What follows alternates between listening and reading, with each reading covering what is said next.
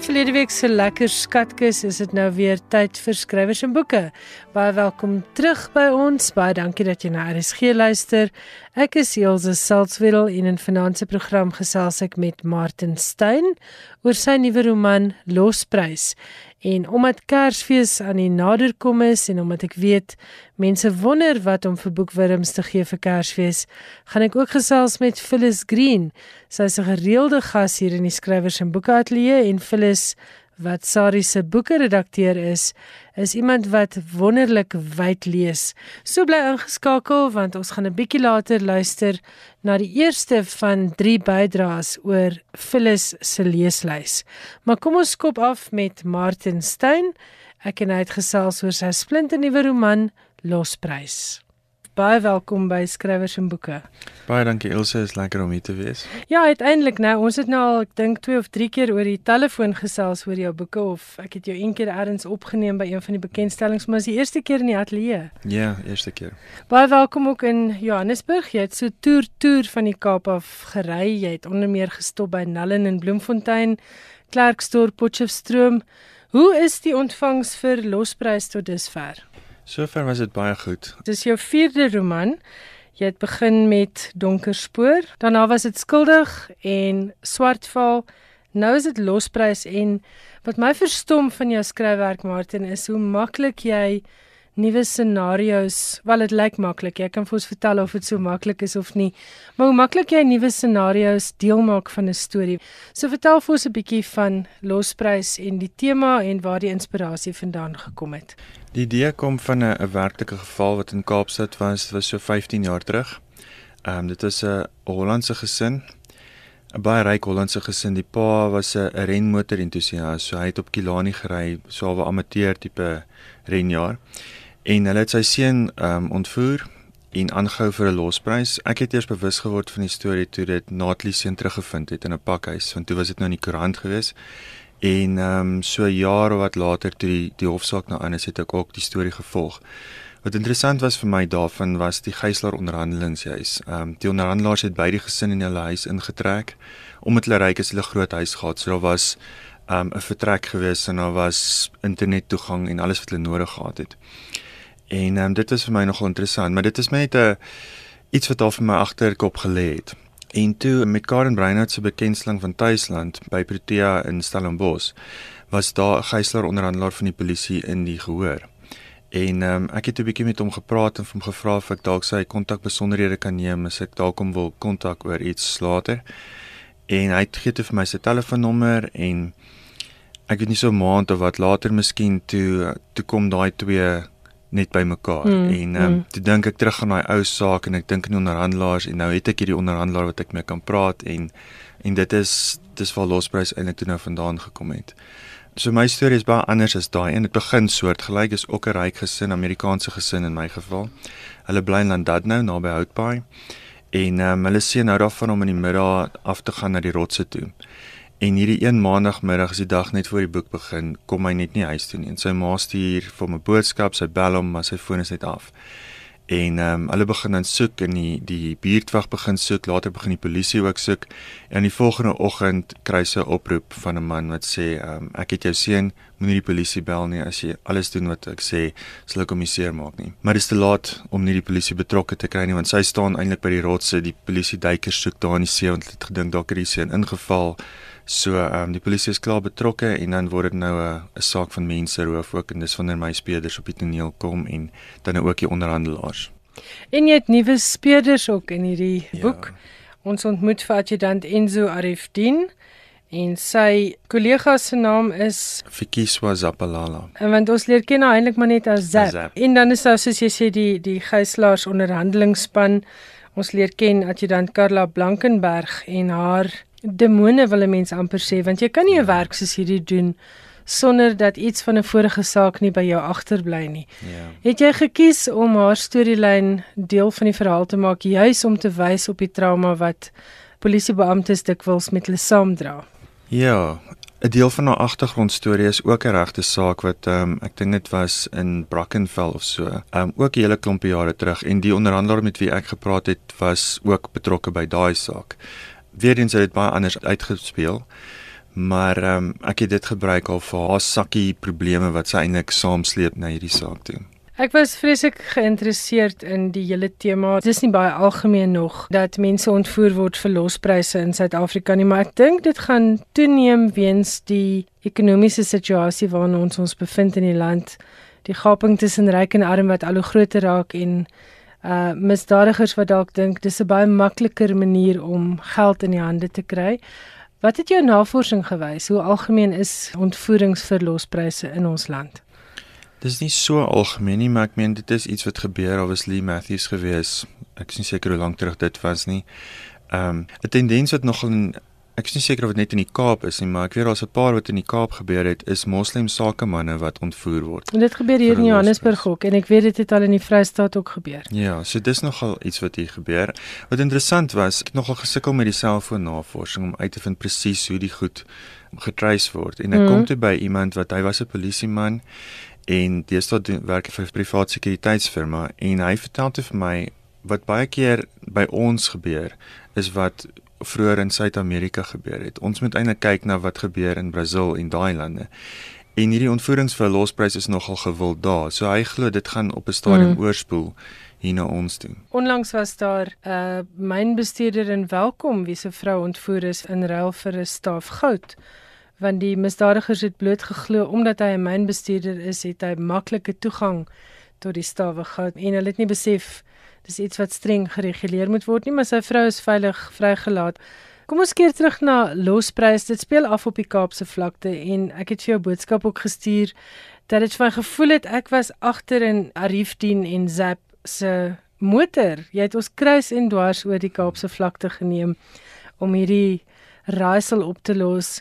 Is dit roetes wat jy saam met mense gaan ry het? Hoe hoe hoe het jy dit reg gekry om hierdie ruimte so goed te gebruik in jou boek?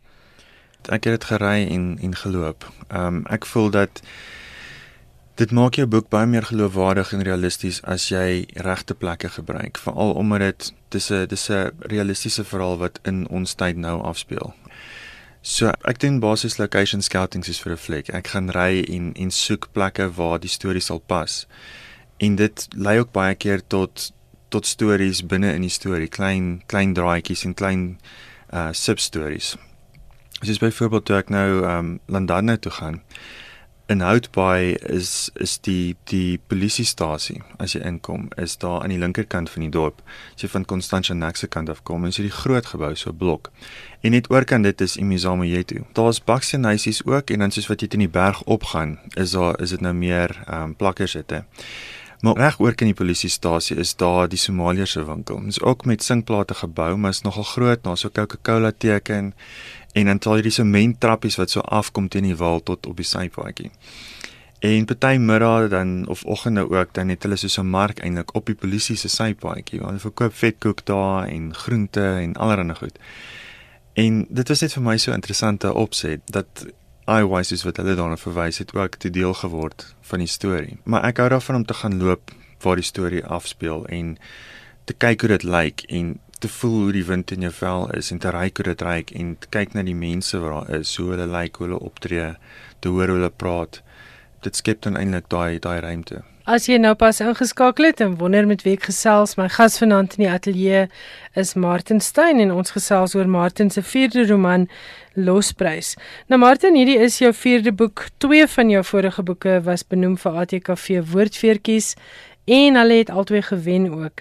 Jy's baie baie ernstig oor jou skryfwerk en jy skryf voltyds. Jy's een van die min Afrikaanse skrywers wat nie 'n ander salariswerk het nie, maar wat jou voltyds toespits op skryf. Neem luisteraars wat vanaand vir die eerste keer na jou luister net so entjie terug op jou skryfpad. Waar het alles begin en waar kom hierdie passie vir skryf vandaan? Dis alles Stephen King se skuld. Goed, goed. Ja, nee, ek het ehm um, so snat 7 het ek het ek die dag af uitgeneem. Dit was my eerste Stephen King boek en, en ek was omtrent onmiddellik 'n disipel. Daarna mm -hmm. het ek net aangehou en aangehou van hom lees. Ten minste vir 3 jaar het ek nie eintlik iemand anders gelees behalwe nou wat die skool mens forceer het om te lees nie.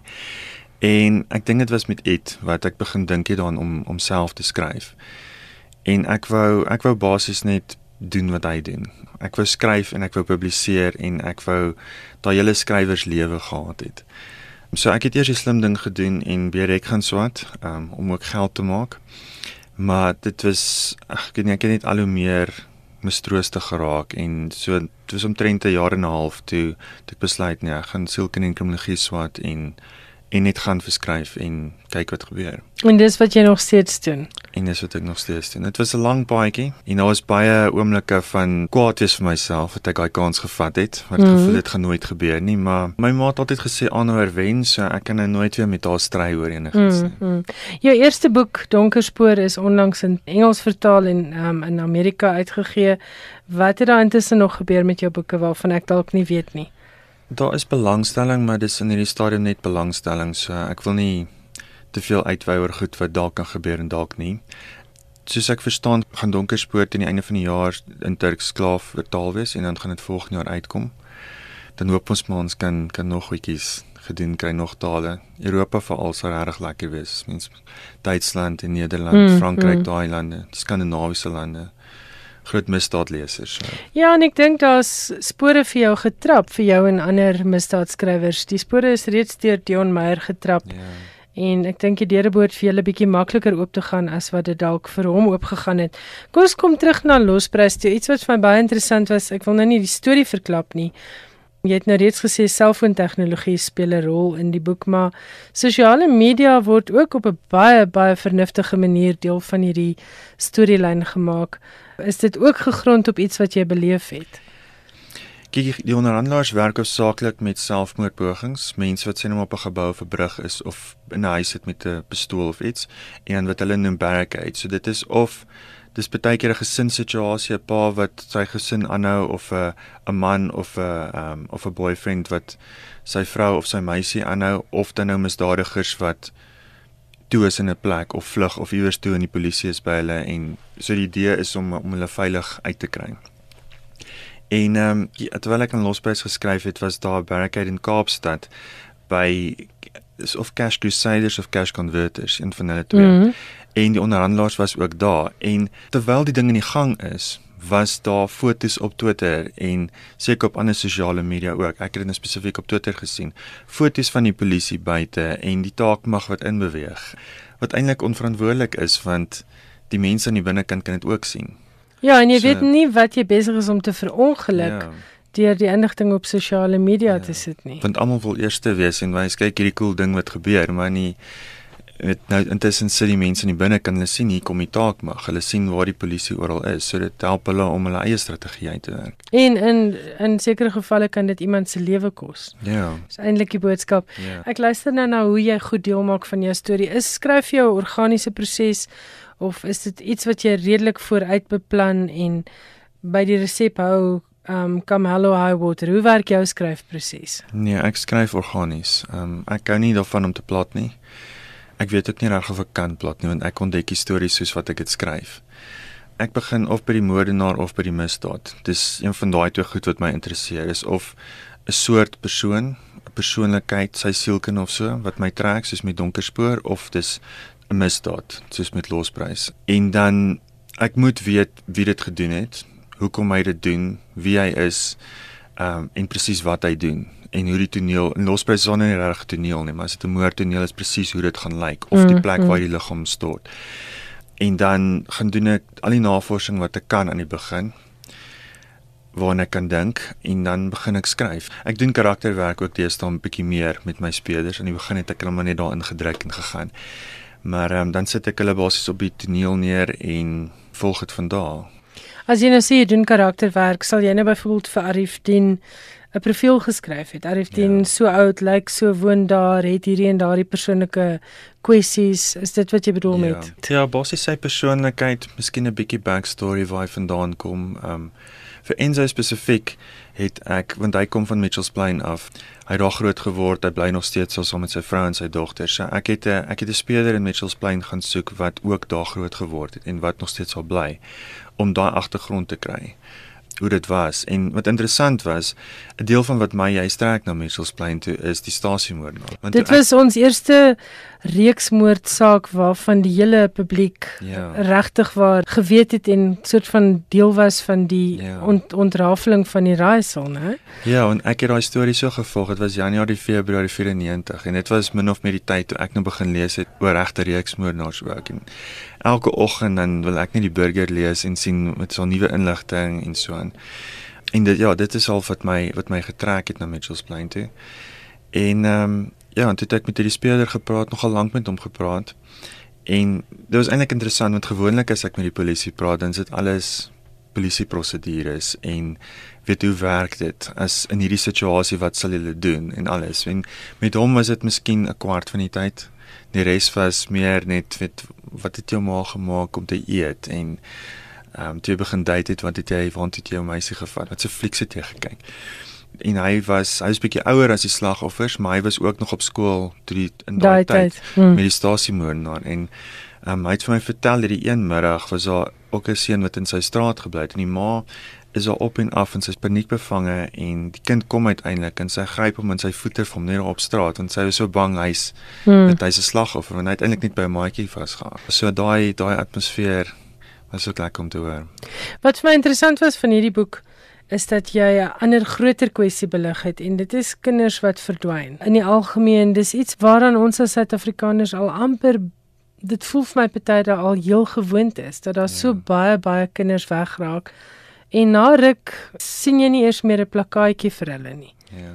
Is dit as bewustelik deel gewees van jou storie? Het jy van die begin af besluit of het iemand soos hierdie speurder dalk jou oë vir jou oopgemaak gesê, weet jy, hierdie is waarmee ons elke dag werk? Nee, dit was bewuslik van die begin af deel van die idee. Martin baie dankie en lekker skryf. Baie dankie Elsje, dit was lekker om hier te wees.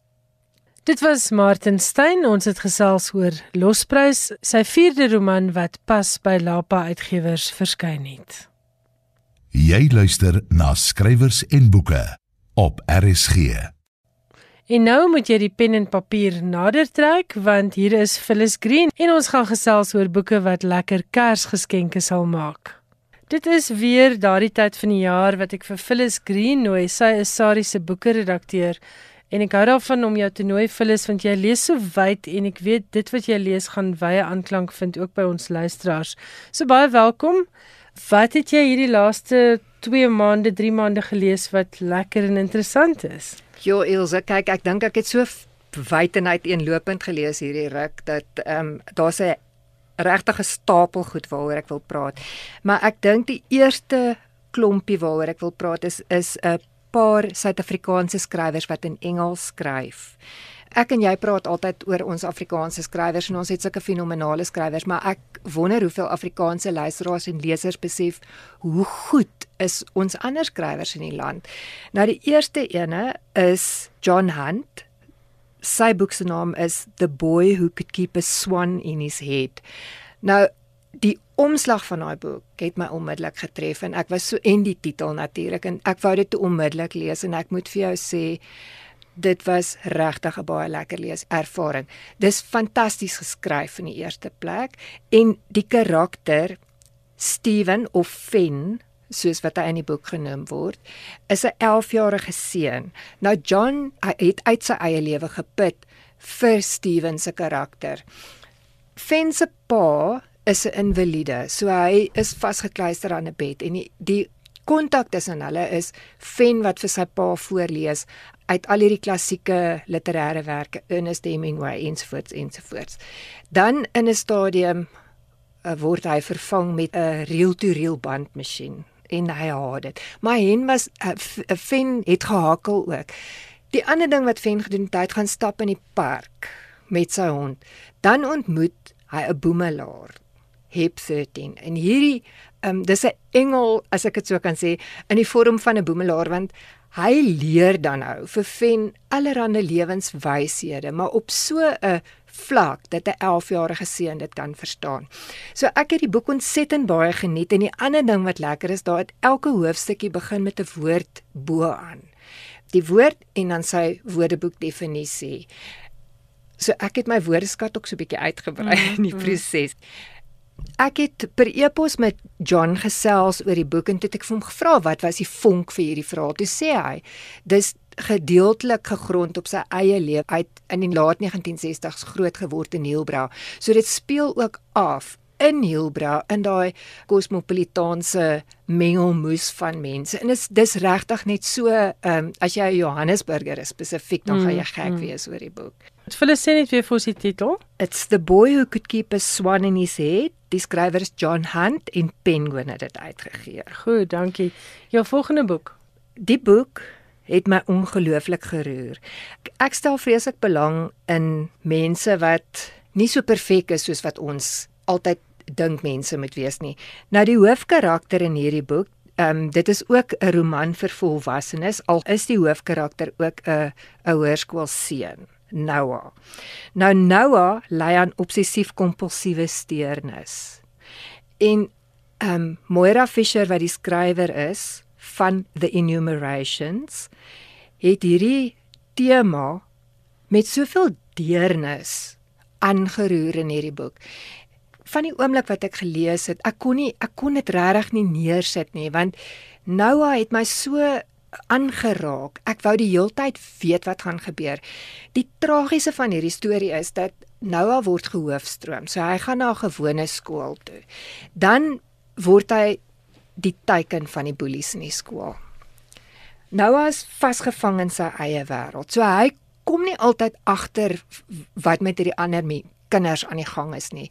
Dan staan 'n insident by die skool nou as laat en dan voor hy in 'n klas kan instap, moet hy die deur se hand vat, sal 5 keer op en af druk, 5 keer aan sy wang tik, 5 keer die ritme met sy voete uittrap.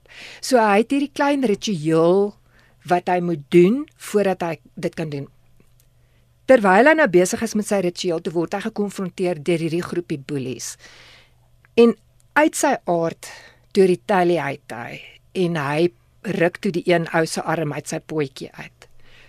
Toe wat gebeur is Noah word op 'n dissiplinêr skuldig bevind by die skool en hy word na 'n inrigting gestuur waar hy dan nou moet met 'n sielkundige deur sy probleem werk. Wat ek besef het is dat obsessief kompulsiewe steurnis is geweldig gekompliseerd. Daar's soveel verskillende fasette daaraan ek het altyd gedink dit is mense wat ehm um, net hulle hande te veel was mm, of of mm. wat ook al. En ek dink baie keer sal 'n mens nogal in 'n grappie sal jy sê o ek is ehm um, obsessive compulsive sonder dat jy regtig besef waaroor dit gaan en ek dink dit is wat hierdie boek by my tuis gebring het. Moira het hierdie onderwerp met geweldig baie empatie aangeraak vir nie net vir Noah nie, maar ook vir die mense in sy lewe want sy siekte het 'n groot impak op sy gesin en op sy vriende en almal wat in sy lewe is. En um ek kan dit regtig sterk aanbeveel vir almal. Want dis ook 'n lekker storie, né? Ek het met Moira 'n kort gesprek gevoer En ek het die die skryfstyl en die pas en al daai goed baie geniet. Ongelooflik. En die en die ander karakters. Ek meen alhoewel nou wat die hoofkarakter is, die ander subkarakters, Juliet byvoorbeeld.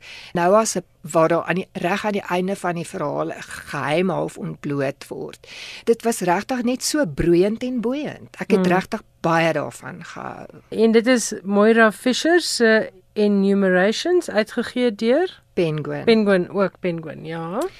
Dan almal weet wie Randall Wickham is. Min mense dink ek weet wie sy broer Winston Wickham is. Nou my derde boek wat in Engels geskryf is, is Vital Remains en Amos van der Merwe is die skrywer. Die boek is uitgegee deur Naledi. Dit vertel Winston Wickham se verhaal. Wat hierdie lewensverhaal ongewoon maak, is dat Winston het heeltemal anders te gelyk as sy broer. Winston was blas van vel. So met ander woorde, hy het nie ingepas nie. Die gesin het geleef as blankes in die vorige bedeling. So elke keer as daar 'n klop aan die deur was, dan moes Winston agter 'n kas gaan wegkruip het. Want hy was geklassifiseer as bruin, né? Dis reg. Ek reg onthou. Dis ja. reg.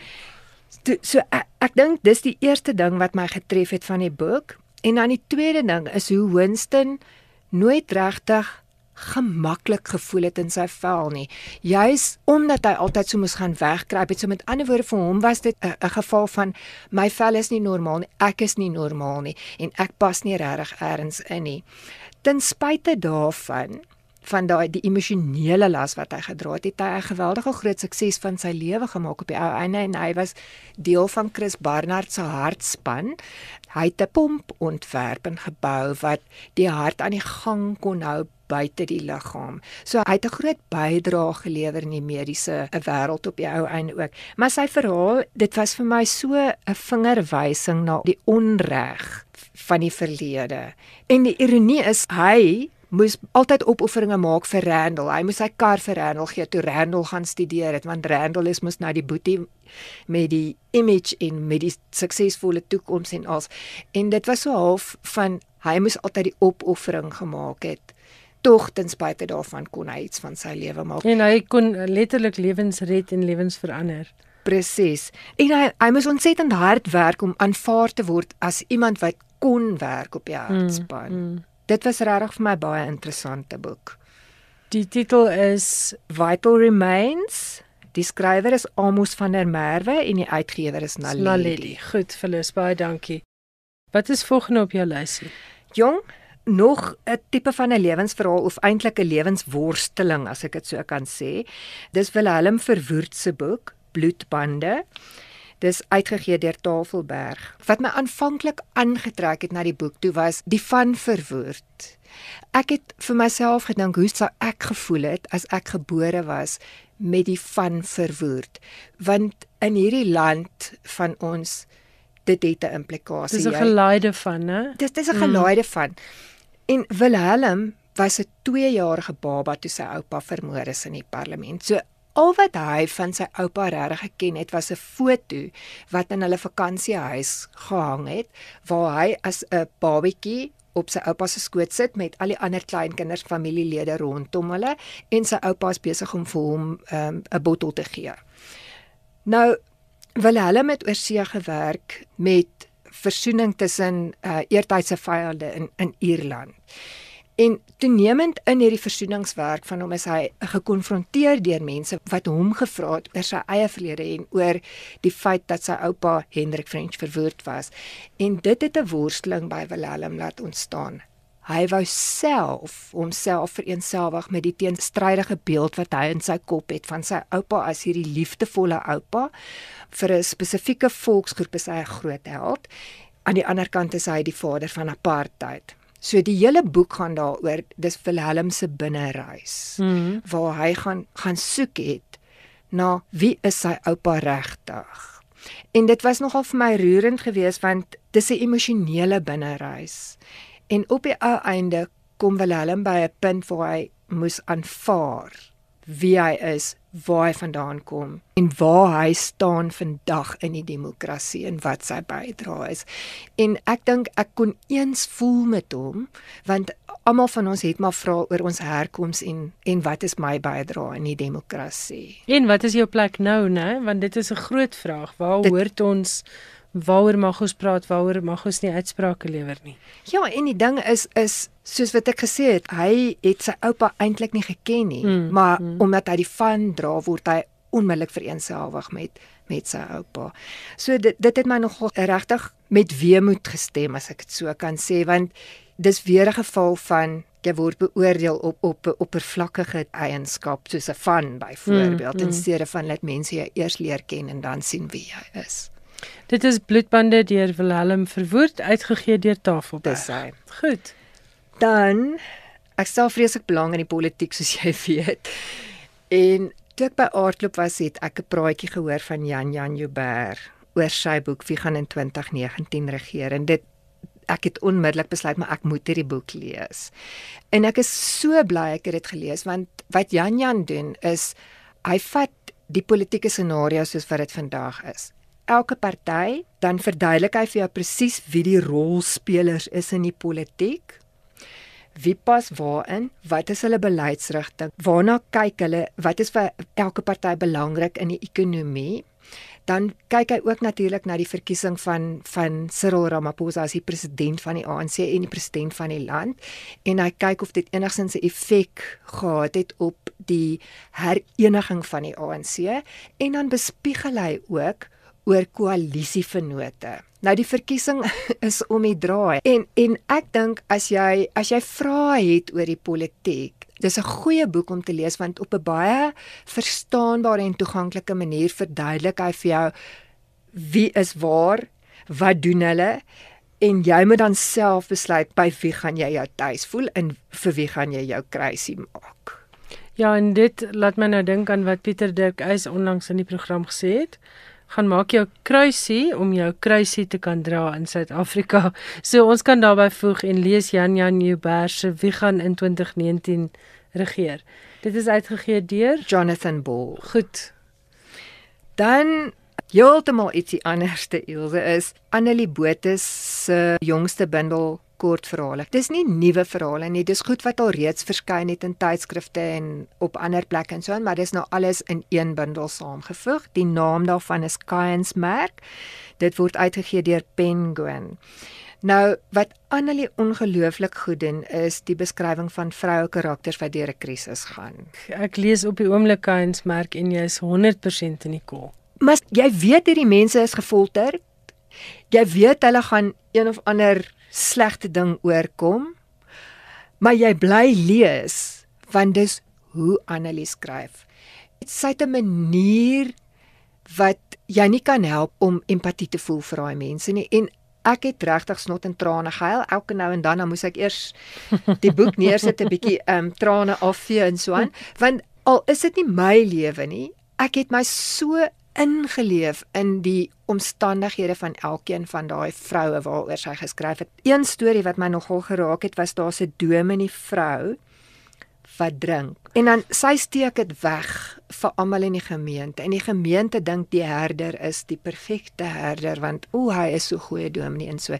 Tot die dag van sy begrafnis wat hulle by die pastorie aankom en dan is mevrou Dominee bietjie versterk deur die versterkwater as ek dit ja. so kan sê. En dan eers kom die gemeente agter wat die ware omstandighede mm. was in daai huis. En Annelie het net vir my regtig 'n sensitiewe manier waaroor sy oor ellende skryf. En ek ek weet nie of dit nou maar net ek is uit die aard van my koerant agtergrond wat graag oor oor ellendes lees nie, maar ek ek moes dit net eenvoudig klaar lees. Ek het toevallig hierdie week vir Bibi Slippers vertel van die boek en ek het vir gesê wat my elke keer opval van Annelise skryfwerk is daai woordwebbe wat sy kan weef. Jy raak heeltemal ingetrek in 'n verhaal of in 'n skets of 'n rubriek. Dis asof jy daardie stukkie, daardie paar honderd woorde leef. Ja. Hier hier was 'n storie in in hierdie boek Kunsmerk oor 'n meisie wat aan anoreksie ly en haar familie se belewenis daarvan, haar eie belewenis daarvan, want sy skryf altyd asof sy binne in daai karakter se kop sit. Ek dink dis wat haar so uitsonderlike skrywer ja. maak. En die plaasmoord storie, ek het um die rittel dit gehad ja. want dit vir my gevoel ek was daardie nag op daardie plaas gewees. Maar ten spyte van die swaar temas is daar tog 'n ligtheid ook, né? Daar's 'n warmte ook. Maar ek dink dit is haar meelewing wat sy het met haar karakters sonder om om stroperig te wees. Mm. Ek dink sy het 'n besondere vermoë om die leser ook te motiveer om meelewing te hê met mm. onperfekte karakters. Sy is net sy's 'n goeie skrywer. En wat my ook opgeval het van hierdie boek, behalwe nou die feit dat jy gedwing word om met sagter oë na jou naaste te kyk, is ook die feit dat ons is almal swakkelinge, ons het almal verskriklik baie foute, want sy duins nie van een van hierdie karakters wat sy skep se foute terug nie. Ja, en eh, die ander ding wat my opgeval het, baie van dit is nie goed wat jy regtig so aan die groot klok kan hang nie. Mm -hmm. Dit is gewone goed wat in gewone verhoudings gebeur. En jy sien dit rondom jou. Ek mm. meen en dit is iets wat 'n mens baie al ervaar het. So dis kunsmerk van Annelie Botha, dis 'n versamelbundel van verhale en vervolgverhale en ek dink daar's selfs 'n kort roman wat daarin opgeneem is en dit word uitgegee deur Penguin. Ek het gesels met Phyllis Green. Volgende week gaan ek en Phyllis verder gesels oor nog interessante boeke vir Kersgeskenke vir die boekwurms in jou lewe. Skrywers en boeke elke Woensdag aand tussen 8 en 9. Nou is dit Johan Meiburg se beurt om saam met my in die ateljee te kuier. Johan, baie welkom en jy praat vanaand met ons oor die aanwysing van ons eie staatsdigter. Nou dit is Wally Serote wat onlangs aangewys is as Suid-Afrika se poet laureate. Dis die die begrip wat maar gebruik word. Hy volg in die voetspore van Keropetse Godsetsile wat vroeër vanjaar dood is. Godsetsile is in 2006 na die dood van Masisi Kunene die land se eerste poet laureate in die posisie aangestel. In die eerste plek is die aanwys van 'n amptelike digter erkenning van die betrokke digter se bydrae tot die letterkunde. Soos dit ook in ander lande waar die status aan 'n digter toegeken word. Maar dan het die digter ook die verantwoordelikheid om 'n kultuur van lees en skryf veral onder jong mense te bevorder en om mentorskapprogramme aan te bied. Daarby moet die poet laureate ook in voeling bly met ontwikkelinge in die buiteland deur middel van deelname aan lesingsgesprekke in seminare. Die 74-jarige Serote het 10 digbundels gepubliseer en daarbey ook 3 romans en 'n bundel essays. Sy debuut van 1972, Jakalinkomo, is die volgende jaar bekroon met die Ingrid Jonker Prys. In 2003 het die English Academy of South Africa sy medalje vir 'n bydrae tot Engels as taal aan hom toegeken. En in 2012 het hy die Golden Wreath Prys gekry vir sy bydrae tot poësie.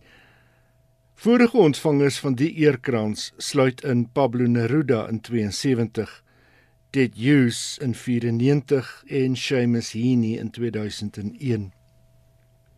Wally Serote is gebore in Sophiatown in Johannesburg het skool gegaan in Alexandra en Soweto en na skool aangesluit by die ANC en lid geword van die swart bewussynsbeweging. In 1969 is hy in hegtenis geneem en 9 maande lank in afsondering aangehou. Die 1970s was geil teelaarde vir herontwaking van stilgemaakte stemme uit swart geleedere en dis in die jare waarin hy gedebuteer het. Jakalinkomo kan 'n mens vertaal as die geluid wat beeste maak by die slagpale. Hy het homself gevestig as een van die sogenaamde township digters en het gemeenskapsaktivisme en weerstand teen die owerheid in sy verse gepropageer. Na sy debuut het onder meer gevolg No Baby Must Weep van 1975, Third World Express 1992 en History is the Home Address van 2004. Sy sewende bundel, Third World Express, het die Noma Prys vir publikasies in Afrika gekry. By sy terugkeer na jare in ballingskap, is hy aangestel as die hoof van die departement kuns en kultuur van die ANC in Johannesburg. Hy het eredoktorsgrade van die universiteite van KwaZulu-Natal en Transkei ontvang En hy was geruime tyd voorsitter van die parlementêre komitee vir kuns, kultuur, taal, wetenskap en tegnologie. Dis vir altyd goed as iemand in die politiek gebruik word in 'n portefeulje soos die kunste wat darm iets weet van die kunste. Want dan hoop jy ten minste die persoon praat.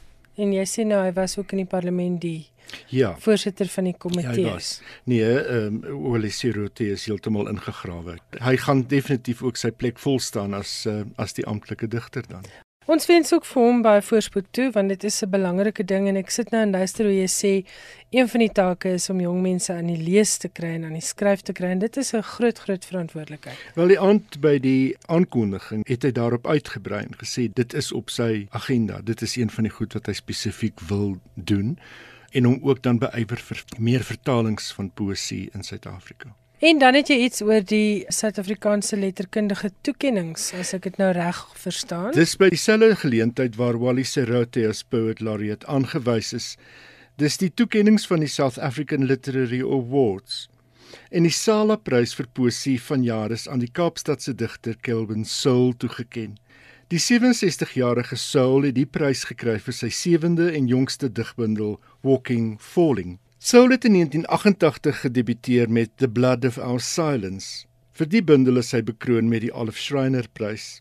Hy het na sy studie aan Wits aan London se School of Oriental and African Studies of SOAS sy meestersgraad verwerf en daarna klas gegee in Botswana, onwillig om terug te keer na apartheid Suid-Afrika. By sy terugkeer het hy mede-redakteur geword van Donga, 'n literêre tydskrif wat vinnig verbied is. Hy het in Namibië vir die Raad van Kerke gaan werk en later sy doktorsgraad oor die swart bewussynsbeweging van die 1970s verwerf en was tot sy onlangse aftrede professor aan die Universiteit van Kaapstad. As akademikus het hy wyd geskryf veral ook oor postkoloniale letterkunde.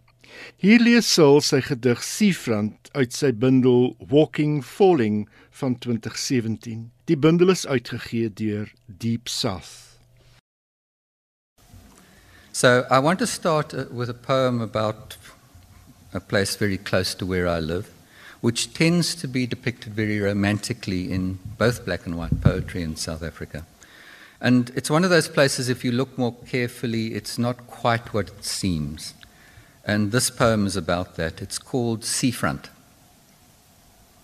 The future wants to show its blurred ideal face, though all the maps where it can materialize are full of holes. Here be monsters. Close by, the tides fetch lessons, though waves pleat up and flip the sun's image into a twinkling coinage. All our boats are out to sea. Excuse me, Captain? Captain?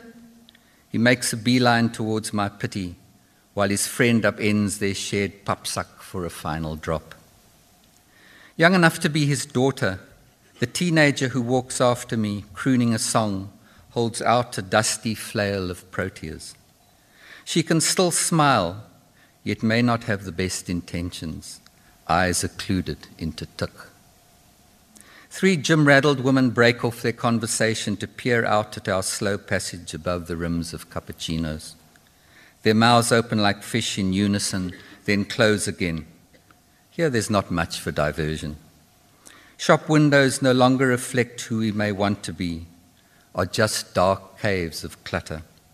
Frayed postcards, scrimshaw, t shirts to proudly proclaim a wearer native. On the beach, the hulk they burned the dealers out of rots on the sand.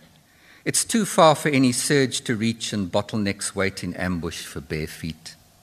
A world where opposites blur and coalesce. On one side of the road, a Cuban restaurant and flag. On the other, streamers that proclaim the sang Freud of estate agents. Even the afternoons beclouded. Bladderack and kids in wetsuits bob in a surf clawing to stay near shore with chilled white fingers. To be honest, nothing really shifts or changes. Loud hunger tears forever at the throats of gulls. Tourists renew their pilgrimages in summer while routinely the world falls from us. Who we are is bitten from teeth chipped and yellowed that have nibbled around too many spoons. Each year, it's harder to move past incrustations of habit. But after all, I say to the Congolese professor, now reduced to touting parking spots for chips, it should be clear to us that when Fanon says, then I find that he's no longer listening. Dit was die stem van Calvin Saul. Hy het die gedig Seafront voorgeles uit sy eie bundel Walking Falling. Goed, en dan is dit toekenninge vir 'n uh, Suid-Afrikaanse skrywer wat regtig waar 'n legende in sy eie tyd geword het, né? Jep, die Universiteit van Silesia in die suide van Pole het onlangs 'n eredoktorsgraad aan James Coetzee toegeken. Die rektor van die universiteit het by die geleentheid na Coetzee verwys as 'n akademiese en morele gesagsfiguur. Kort tevore het die 78-jarige Coetzee ook die eerste Mahindra-prys van die Harvard Universiteit ontvang. 'n Prys waarmee uitblinkers in die geesteswetenskappe wêreldwyd vereer word. Coetzee die man Booker by twee geleenthede verower. In 1983 vir Life and Times of Michael K en in 1999 vir Disgrace. Hy het die Nobelprys vir letterkunde in 2003 ontvang. Coetzee woon deesdae in Adelaide in Australië. 'n Laaste brok oor Coetzee. Johnny Depp en die rolprentmaker Andrea Iervolino het aangekondig dat hulle beplan om 'n rolprent weergawe te maak van Coetzee se roman van 1980 Waiting for the Barbarians. Die regisseur is glo Chiro Guerra en die rolprent word geskiet in Marokko. Nou ja, dis baie interessant. Ek wonder nou net hoekom 'n uh, prent skiet in Marokko wat eintlik in Suid-Afrika geskiet kan Dit word. sou seker kon geskied word hier geskied word. Dit gaan mos oor 'n landros in 'n koloniale dorpie. So, miskien kan ons vir hulle net 'n e-pos stuur en sê Suid-Afrika is regtig goedkoop en 'n baie baie mooi plek om films te maak. Johan, baie dankie. Ons gesels dan volgende week weer. Dankie.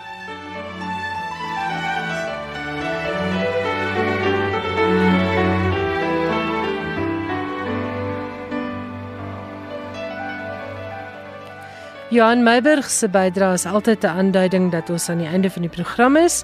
Baie dankie dat jy vanaand weer saam geluister het na skrywers en boeke. Die SMS-nommer is soos altyd 45770 en my e-posadres is skrywersenboeke@rsg.co.za. Volgende Woensdag aand om 8uur is ek terug en dan gaan ons gesels oor 'n baie spesiale woordkunsprojek daar in my grootworddorp Woester. So maak seker jy skakel in. Dit en 'n klompie boekgunstlinge vir 2018 is dan alles op volgende week se skrywers en boeke spyskaart. Tot ons weer gesels, geniet die res van jou aand en jou week en lekker luister na RSG. Totsiens.